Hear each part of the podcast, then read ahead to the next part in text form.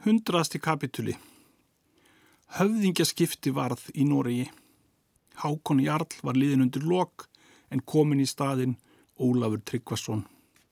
Urðu þau ævilokk Hákonar Jarls að karkur þræll skar hann á háls í rímul í Gaulardal. Það spurðist þar með að síðaskipti varði í Noregi og höfðu þeir kastað hinn um forna átrúnaði en konungur hafi kristnað Vesturlönd, Hjaltland og Orknegar og Færegar. Þá mæltu margir svo hann jál heyrði að slíkt væri mikil fyrir að hafna fornum átrúnaði. Njál sagði þá, svo líst mér sem hinn nýji átrúnaður muni vera miklu betri og sámun sæll er hann fær heldur. Og ef þeir menn kom út hingað er þann síð bjóða þá skela skaleg það vel flytja. Hann mælti það oft. Hann fór oft frá öðrum mönnum og þuldi eitt saman. Þetta í sama haust kom skip út austur í fjörðum í Berufyrði, þar sem heitir Gautavík, hétt Þangbrandur stýrimaður. Hann var són Vilbaldús greifa úr Sakslandi. Þangbrandur var sendur útingað af Ólafi konungi Tryggvasinni að bóða trú. Með honum var íslenskur maður er Guðleifur hétt.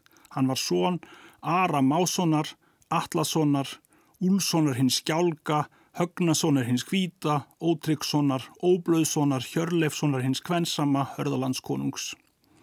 Guðleifur var vígamaður mikill og manna röskastur og harðger í öllu. Bræður tveir bygg á Berunesi, hétt annar Þorleifur en annar Ketill. Þeir voru Holmsteinsinir, össurar svona breyðdalska. Þeir lögðu til fund og bönnuðu mönnum að eiga kaupið á. Þetta spurði Hallur af síðu. Hann bjó að þvott á í Altafyrði.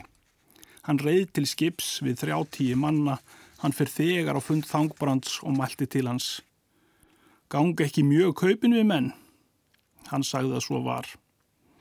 Nú vil ég segja þér mitt erindi, segir Hallur, að ég vil bjóðiður öllum heim til mín og hætta á hvort ég geti kaup fyrir yður. Þangbrandur þakkað honum og fór þangað. Um hausti var það að Þangbrandur var úti snemma um morgun og létt skjóta tjaldi og söng messu í tjaldinu og hafði mikið við því að hátíð var mikil. Hallur mælti til Þangbrands. Í hverja minning heldur þennan dag? Mikjáls engils, segir hann. Hver rauk fylgja engli þeim, segir Hallur. Mörg, segir Þangbrandur. Hann skal meta allt það sem þú gerir, bæði gott og ílt og er svo miskunnsamur að hann metur allt það meira sem vel er gert. Hallur mælti, eiga vildi ég hann mér að vin. Það myndu meiga, segir Þangbrandur, og gefst þú honum þá í dag með Guði. Það vil ég þá tilskilja, segir Hallur, að þú heitir því fyrir hann að hann sé þá fylgju engil minn. Því mun ég heita, segir Þangbrandur, tók Hallur þá skýrn og öll hjú hans. 101. kapituli Um voruð eftir fór Þangbrandur að bóða trú og Hallur með honum. En er þeir komið vestur um lónseiði til Stafafells, þá bjóð þar Þorkjell. Hann mælti mest í móti trúni og skoraði Þangbrandi á holm. Þá bar Þangbrandur róðukross fyrir skjöldin en þó laug svo með þeim að Þangbrandur hafði sigur og drap Þorkjell. Þaðan fóru þeir til Hortnafjörðar og gisti í Borgarhöpp fyrir vestan Heinabergsand. Þar bjó Hildir hinn gamli, hans són var glúmur, er fór til brennu með flosa. Þar tók við trú Hildir og hjúans öll. Þaðan fóru þeir til Felskerfis og gista Kálvafelli. Þar bjó Kólur Þorstinsson frændi Halls og tók hann við trú og hjúans öll. Þaðan fóru þeir til Breiðár og bjóð þar Össur Róaldsson frændi Halls. Hann tók prímsigning. Þaðan fóruð til Svínafells og tók flosi prímsigning en hétt að fylgja þeim á þingi. Þaðan fóruðir vestu til Skóakerfis og gistu í kirkjubæ. Þar bjó Surtur Áspjarnarsson, Þorstenssonar Ketilssonar hins Fípska. Þeir höfðu allir langfæðgar verið kristnir. Eftir það fóruðir úr Skóakerfi til Höfðabrekku, þá spurðist allt fyrir um ferðira. Maður hétt Galdra Héðin er bjó í Kjerlingardal. Þar keiftu heiðnir mennaðunum að hann skildi deyða þangbrand og förunetti hans og fór hann upp á Arnarstags heiði og eldi þar blót mikið. Þá er þangbrandur reið austan þá brast í sundur jörðin undir hesti hans en hann hljópa af hestinum og komst upp á bakkan en jörðin svalg hestin með öllum reyðingi og sáðu þeir hann aldrei síðan. Þá lofaði þangbrandur Guð. Hundrast og annar kapituli. Guðleifur leitar galdrahíðins og finnur hann á heiðinni og eldir hann ofan að Kjellingadals á. Hann komst í skotfæri við hann og skýtur til hann spjótinu og í gegnum hann. Þaðan fór þeir til Dýrholma og áttu þar fund og bóðan þar þá trú og kristnaðist þar yngjaldur són Þorkels Háegar Tyrðils. Þaðan fór þeir til fljótslíðar og buðu þar trú. Þar mælti mest í mót, veturliði skáld og Ari Sónans og fyrir það vóður veturliða og er þar um hveðin vísa þessi. Riðfjónar gekk reynir, randa suður á landi, beðs í bæna smiðju, baldurs sigtólum halda. Síðreinir létt síðan, snjallur morðhamar gjalla, hauðurs í hattar steðja, hjaldurs veturliða skáldi. Þaðan fór þangbrandu til Bergþórskváls og tók njall við trú og öll hjúans, en þeir mörður og valgarður gengum mjög í móti trú. Fóru þeir þaðan vestur yfir ár, þeir fóru í Haugadal og skýrðu hall og var hann þá þrevetur. Þaðan fóru þeir til Grímsnes. Þar eldi flokk í móti þeim Þorvaldur hinn veili og sendi orð Ulfi Uggasinni að hann skildi fara þangbrandi og drepan og hvað til vísu þessa. Ygs bjálfa muneg Ulfi, endils og bóð senda, mér er við stála stýri, stugglöst síni ugga, að gní skúta geitis, goðvark fyrir argan, þannig við rögn og reiknir, reki hann en ega annan. Úlfur Uggason hvað aðra vísi móti.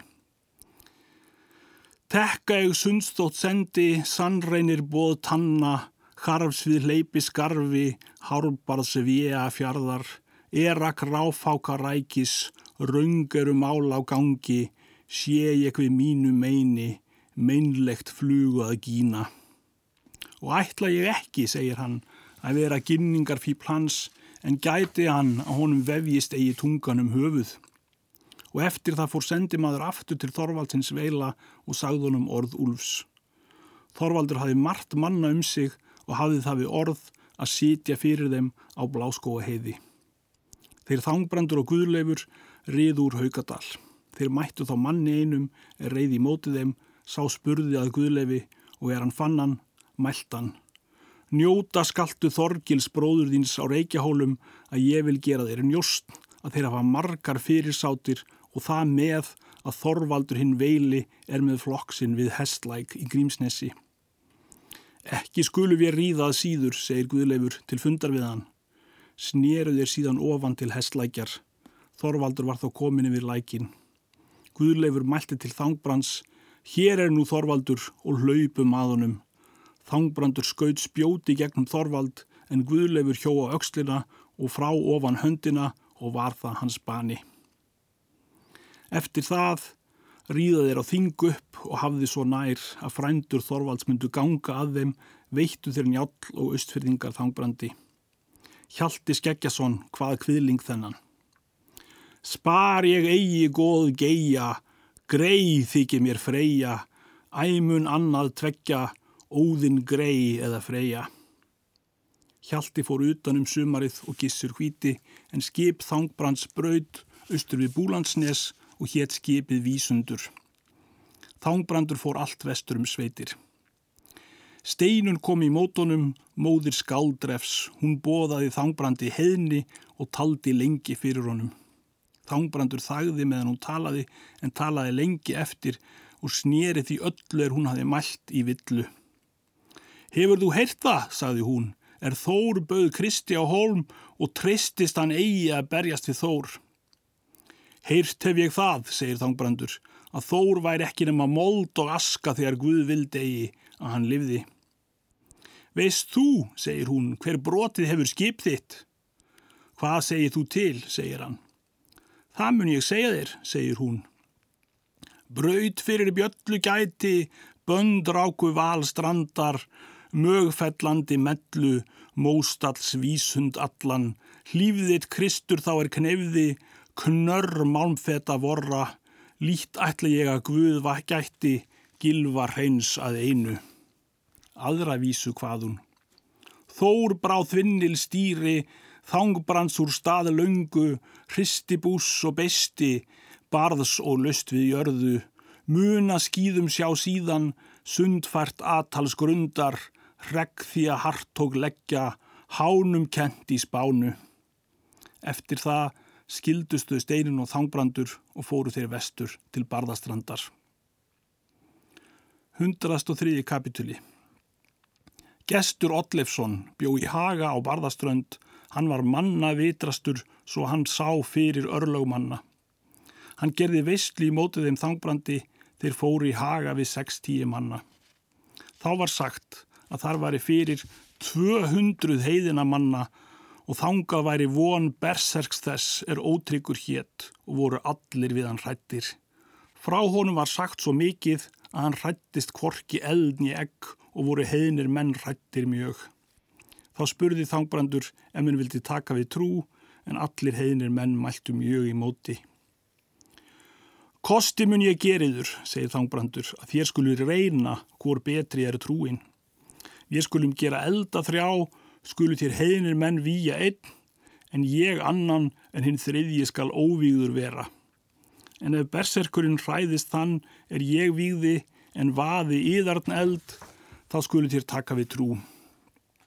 Þetta er velmælt, segir gestur, og mun ég þessu játa fyrir mig og heimamenn mína og er gestur hafið þetta mælt þá játuðu miklu fleiri og varðað rómur mikill.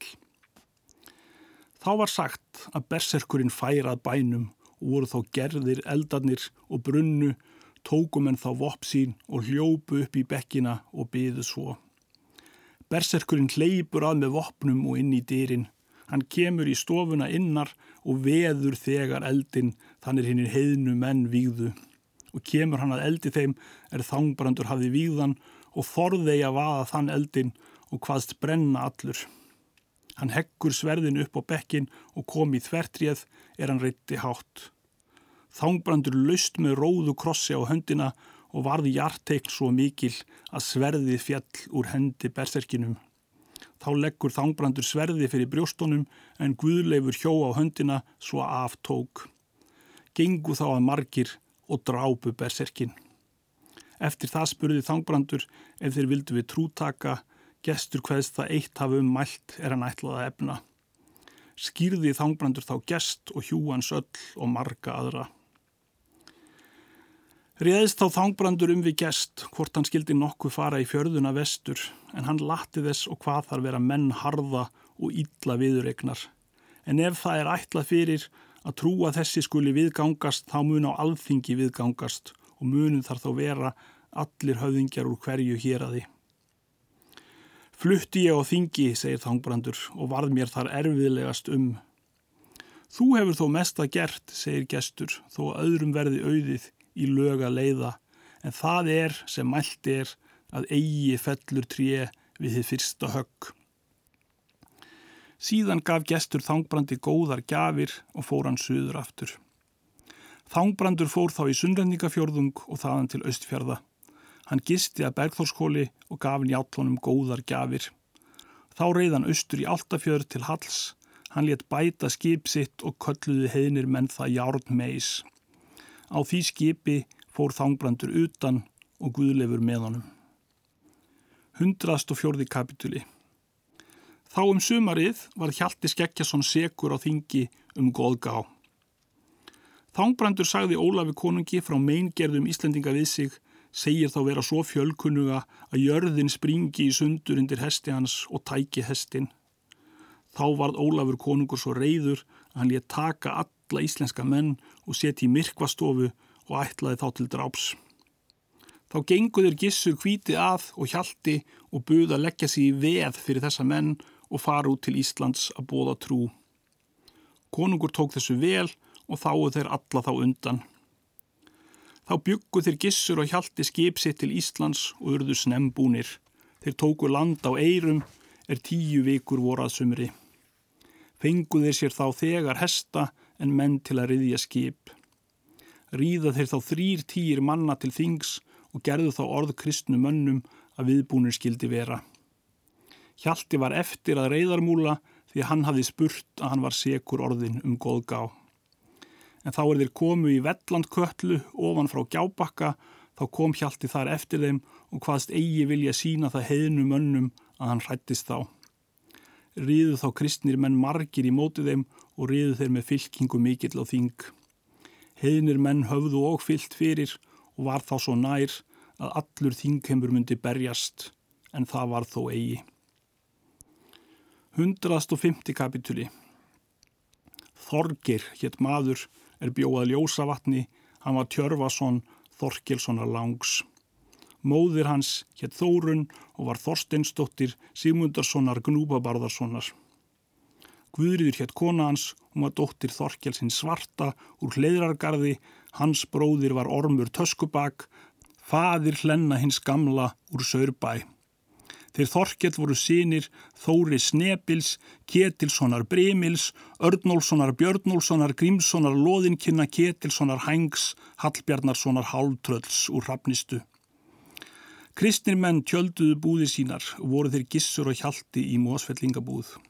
Um daginn eftir gengu hórir tveggju til lögbergs og nefndu hórir votta, kristnir menn og heðnir og sögðust hórir úr lögum annara og var þá svo mikið óljóð að lögbergi að engi nam annars mál. Síðan gengum henni í braud og þótti öllum horfa til hennar mestu óefna. Kristnir menn tóku sér til lögsögumanns, hall af síðu, en hallur fór að finna þorgir goða frá ljósavatni og gaf honum til þrjár merkur silfurs að hann segði upp laugin en það var þó ábyrðar áð því að hann var heiðin. Þorgir lás og dag allan að hann breytti feld á höfu sér og mælti engi maður við hann. En annan dag gengum henn til lögbergs, þá bytti Þorgir sér hljóðs og mælti. Svo líst mér sem málum vorum sé komið í ónýtt efni ef eigi hafa ein lög allir en ef sundur skipt er lögunum þá mun og sundur skipt fríðunum og mun eigi við það meiga búa. Nú vil ég þess byrja heðnamenn og kristna hvort þér vilja hafa lög þau er ég segi upp. Því játuðu allir. Hann hvaðst vilja hafa svardag af þeim og festu að halda. Þeir játuðu því og tók hann af þeim festu. Það er upp af lagavora, sagðan að menn skulu allir vera kristin hér á landi og trú á eitt guð, föður og són og anda helgan en láta af allri skurðgóða villu, bera eigi út börn og geta eigi hrossaslátur, skal fjörbögsök á vera ef víst verður en ef leynilegar meðfarið þá skal vera vítislaust. En þessi heini var öll af numinn fáum vetrum síðar að eigi skildi þetta heldur og laun gera en ofnberlega. Hann sagði þá um drottinsdagahald og föstudaga, jóladaga og páskadaga og allra hinna stærstu háttíða. Þóttust heimir menn mjög sviknir vera en þó var í lög leitt trúan og allir menn kristnir gjörfir hér á landi. Fara menn við það heim af þingi. 107. kapituli Svo atbyrður var að þrem vetrum síðar á þingskála þingi að ámundu hinn blindi var á þingi Höskuldsson, Njálssonar. Hann létt leiða sér búða í meðal. Hann kom í búð þá er lýtingur var inni af sámstöðum. Hann lætur leiða sér inn í búðina og þar fyrir sem lýtingur satt. Hann mælti. Er hér lýtingur af sámstöðum? Hvað viltu mér, segir lýtingur. Ég vil vita, segir ámundi, hverju þú vilt bæta mér föður minn, eigum laungetinn og hef ég við engum bótum tekið. Bætt hef ég víg föður þins fullum bótum, segir lýtingur, og tók við föður fadir þinn og föður bræður, en bræður mínir voru ógildir, og var bæði að ég hafi illa til gert, en það kom ég hart niður. Ekki spyrja því, segir ámundi, en þú hafi bætt þeim, veit ég að þér eru sáttir, og spyr ég að því hverju þú vilt mér bæta. Alls engu, segir lýtingur. Egi skil ég, segir ámundi, að það munur rétt fyrir Guði svo nær hjarta sem þú hefur mér högvið, enda kann ég að segja þér að ef ég væri heilegur báðum augum að hafa skildi í annarkvort fyrir föðuminn, fjebætur eða mannhemdir en það skipti Guð með okkur. Eftir það gekk hann út en er hann kom í búðardýrin, snýst hann innar eftir búðinni, þá lukust upp augu hans. Þá mælti hann, lofaðu sé Guð, drottin minn, sér nú hvað hann vill. Eftir það hleypur hann innar eftir búðinni þar til er hann kemur fyrir lýting og heggur exi í höfuðunum svo að hún stóð á hamri og kippir að sér öksinni. Lýtingur fjall áfram og var þegar dauður. Ámundi gengur út í búðardýrin og er hann kom í spór þau hinn sömu sem upphöfðu lokist augu hans þá lukust aftur og var hann alla æfi blindur síðan. Eftir það lætur hann fylgja sér til njáls og svona hans segir hann þeim víglítings. Ekki má saka þig um slíkt, segir njál, því að slíkt er mjög ákveðið, en viðvörunar verðt ef slíkir atbyrður verða að stinga eigi af stokki við þá er svo nær standa. Síðan bauður njál sætt frændum lítings, höskuldur kvítanis skoði átti hlut að þeir skildi taka bótina og var þá lagt málið í gerð, fjallu hálfar bætur niður fyrir sakastæði þá er hann þótti á eiga. Eftir það gengum henn til tryggða og veittu frændur lítings ámunda tryggðir. Menn riðu heima þingi og er nú kyrt lengi. 107. kapituli Valgarður hinn grái kom út, hann var þá heiðin. Hann fór til hofs til marðar svona síns og var þar um veturinn. Hann mælti til marðar. Riðið hef ég hér um beigðina víða og þykir mér eigi meg að kenna að hinn sama sé. Ég kom á Kvítanes og sá ég þar búðartóftir margar og umbrót mikil. Ég kom og á Þingskálaþing og sá ég þar ofan brotna búðvora alla, eða hví sæta fyrrt slík. Mörður segir, hér eru tekin upp ný góðorð og fymtardómslög og hafa minn sig sagt úr þingi frá mér og í þing með höskuldi. Valgarður mælti. Ítla hefur þú launa mér góðorðið er ég fekk þeir í hendur að fara svo ómannlega með. Vil ég nú að þú launir þeim því að þeim drægi öllum til bana. En það er til þess að þú rægir þá saman og drepi sínir njáls höskuld en þar eru margir til eftirmálsum hann og munum þá njálsinir af þeim sökum drefnir verða. Egi munum það gjört geta, segir mörður. Ég skal leggja ráð til, segir Valgarður. Þú skalt bjóða heim Njálssonum og leysa þá í brott með gjöfum, en svo fremi skaltu róið frammi hafa er orðin er vinátt að mikil meður og þeir trúa þér eigi verð en sér. Mátt þú svo hefnast við skarpiðin þess er þeir tóku fjöð af þér eftir lát Gunnars. Mundu svo fremi taka höfðingskap er þessir eru allir dauðir. Þessa ráðagerð festuðir með sér að þú skildi fram koma. Það vildi ég fadir að þú tæki við trú, segir mörður. Þú ert maður gamal. Egi vil ég það, segir valgarður. Heldur vileg að þú kastir trúnni og sjá hversu þá fari. Mörður hveðst það eigi gera myndu. Valgarður braud krossa fyrir merði og öll heilög tákn. Þá tók valgarður sótt og andaðist og var hann heigður. 108. kapituli Nokkru síðar reið mörður til Bergþórskvóls og fann þá skarpiðin. Hann sló á mikið fagurmæli við þá og talaði hann dag allan og hveðst við þá margt vilja eiga. Skarpiðin tók því öllu vel en hvaðan þó þess ekki leitað hafa fyrri. Svo kom að hann kom sér í svo mikla vináttu við þá að kórum þótti ráð ráðið nema umriðist við aðra. Njáli þótti jafnan ílt er mörður komþangað og fór svo jafnan að hann amaðist við. Einhverju sinni var það að mörður fór til Bergþórskvóls að hann mælti til þeirra Njálssona.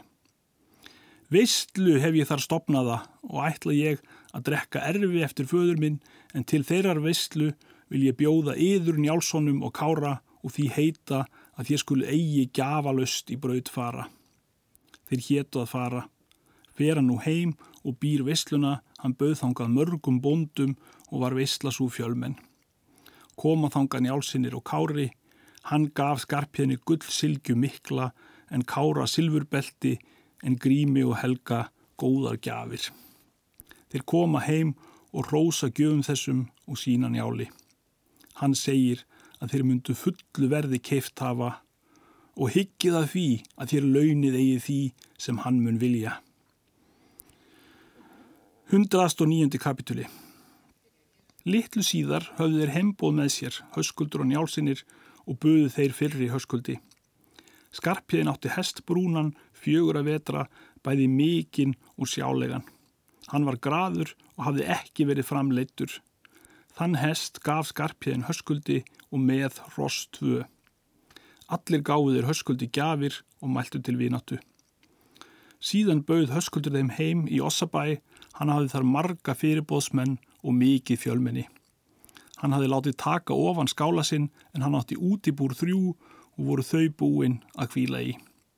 Þeir koma allir til vistlu sem hann hafði bóðið, vistlan fór all vel fram. Og þá eru mennskildu heimfara, valdi höskuldur mönnum góðar gjafir og fór á leið menn í álsónum. Sigfúsinir fylldunum og fjölmennið allt mæltu þá hórir að engi skildu komast í miðal þeirra. Nokkru síðar kom mörður í Ossabæ og kallaði höskul til málsvið sig þegar gengu á tal. Mörður mælti. Mikill mannamunur verður meður njálssonum. Þú gafst þeim góðar gafir en þeir gáði þér gafir með miklu spotti. Hvað færið þú til þess, segir höskuldur. Þeir gáðu þér hest brúnan er þeir kölluðu vonfóla og gerðu það til spots við þig því að þeim þóttir þú og óreindur. Ég kann á að segja þér að þeir öfunda þig um goðurðið. Tók skarpiðin það upp á þingi að þú komst eigi til þings á fymtardómstefnu ætla skarpiðin og aldrei löst að láta goðurðið. Egi er það, segir höskuldur. Ég tók við á leiðmóti í höst. Njátt hefur valdið því, segir mörður. Þeir rufu og, segir mörður, sætt á lýtingi. Ekki ætla ég það þeim að kenna, segir höskuldur. Egi myndu mæla móti því, segir mörður, þá er því skarpiðin fóruð austur að markarfljóti, fjell öks undan belti honum og hafðan ætlað að drepa þig. Það var, segir höskuldur, viðar öks hans og sá ég en hann létundir belti sér. Og er hér svo skjótt að segja, segir höskuldur, um mig Þú segir aldrei svo ílt frá njálssonum að ég muni því trúa. En þó að því sé að skipta og segir þú satt að annarkvort sé að þeir drepi mig eða ég þá, þá vil ég hálfu heldur þóla dauð af þeim en ég gera þeim nokkuð megin. En þú ert maður að verri er þú hefur þetta mælt. Síðan fór mörður heim. Nokkur síðar fyrir mörður að finna njálssonu. Hann talaði margt við þá bræður og kára. Sagt er mér, segir mörður, að hauskuldur hafi þetta mælt að þú skarpiðinn hafi rofið sætt á lýtingi en ég var þess vís að honum þóttir þú hafa við sig fjörráð er þið fóruð austur til markarfljóts. En þau þykir mér þó ekki minni fjörráð er hann bauð þér til veistlu og skipaði þér í útibúr það er fyrst var húsum og var þar borin að viður alla nóttina og ætlaðan að brenniður inni. En það bar við að högni kom um nóttina og varð þá ekki af því að þeir gengju að því að þeir hrættust hann. Síðan fylgdan þér á leið og mikill flokkur manna þá ætlaði þér aðra aðgöngu að veita og setti til Grana Gunnarsson og Gunnar Lampasson að vega að þér en þeim varð bílt og þorðu eigi á þig að ráða. En er hann aðið þetta mælt þá mæltu þér fyrst í móti en þar kom að þeir trúðu og gerðust þá í fáleikar miklir að þeirra hendi til höskulds og mæltunar ekki við hann hvar sem þeir fundust. En höskuldur gaf þeim lítið tillæti og fór svo fram um ríð. Höskuldur fór austu til Svínafells að heimbóði um höstið og tók Flósi við honum vel. Hildugunur var óg þar. Flósi mælti til höskulds. Það segir Hildugunum mér að fáleikar séu miklir með yður njálssonum og þykir mér það illa og vil ég bjóða þér að þú rýðir eigi vestur og mun ég fá þér bústað í skaftafelli en ég mun senda Þorger bróðu minn í Ossabæ og skalan þar búa. Þá mun það mæla sumir, segir höskuldur, að ég flýi þaðan fyrir ræðslusakir og vil ég það eigi. Þá er það líkara, segir Flósi, að hér leið af stór vandraði. Ítla er það, segir Höskuldur, því að heldur vildi ég vera ógildur en margir litu ílda mér. Höskuldur bjóst heim, fáum nóttum síðar, en Flósi gaf honum skarlat skikju og voru á hlöð í skaut ofan. Reið Höskuldur heim í Ossabæ. Er nú kyrtum hríð. Höskuldur var svo vinsall að fáir voru hans óvinnir, hinn sama er óþægt með þeim allan veturinn í gegnum. Njátt hafði tekið til fósturs Són Kára er Þórður hétt. Hann hafði og fóstrað Þórhall, Són Áskrims Ellega Grímssonar. Þórhallur var röskur maður og harðgjör í öllu. Hann hafði numið svo lög að njáli að hann var einn þriðji mestur lögmaður á Íslandi. Nú vorar snemmum vorið og færðum en snemma niður kort sín.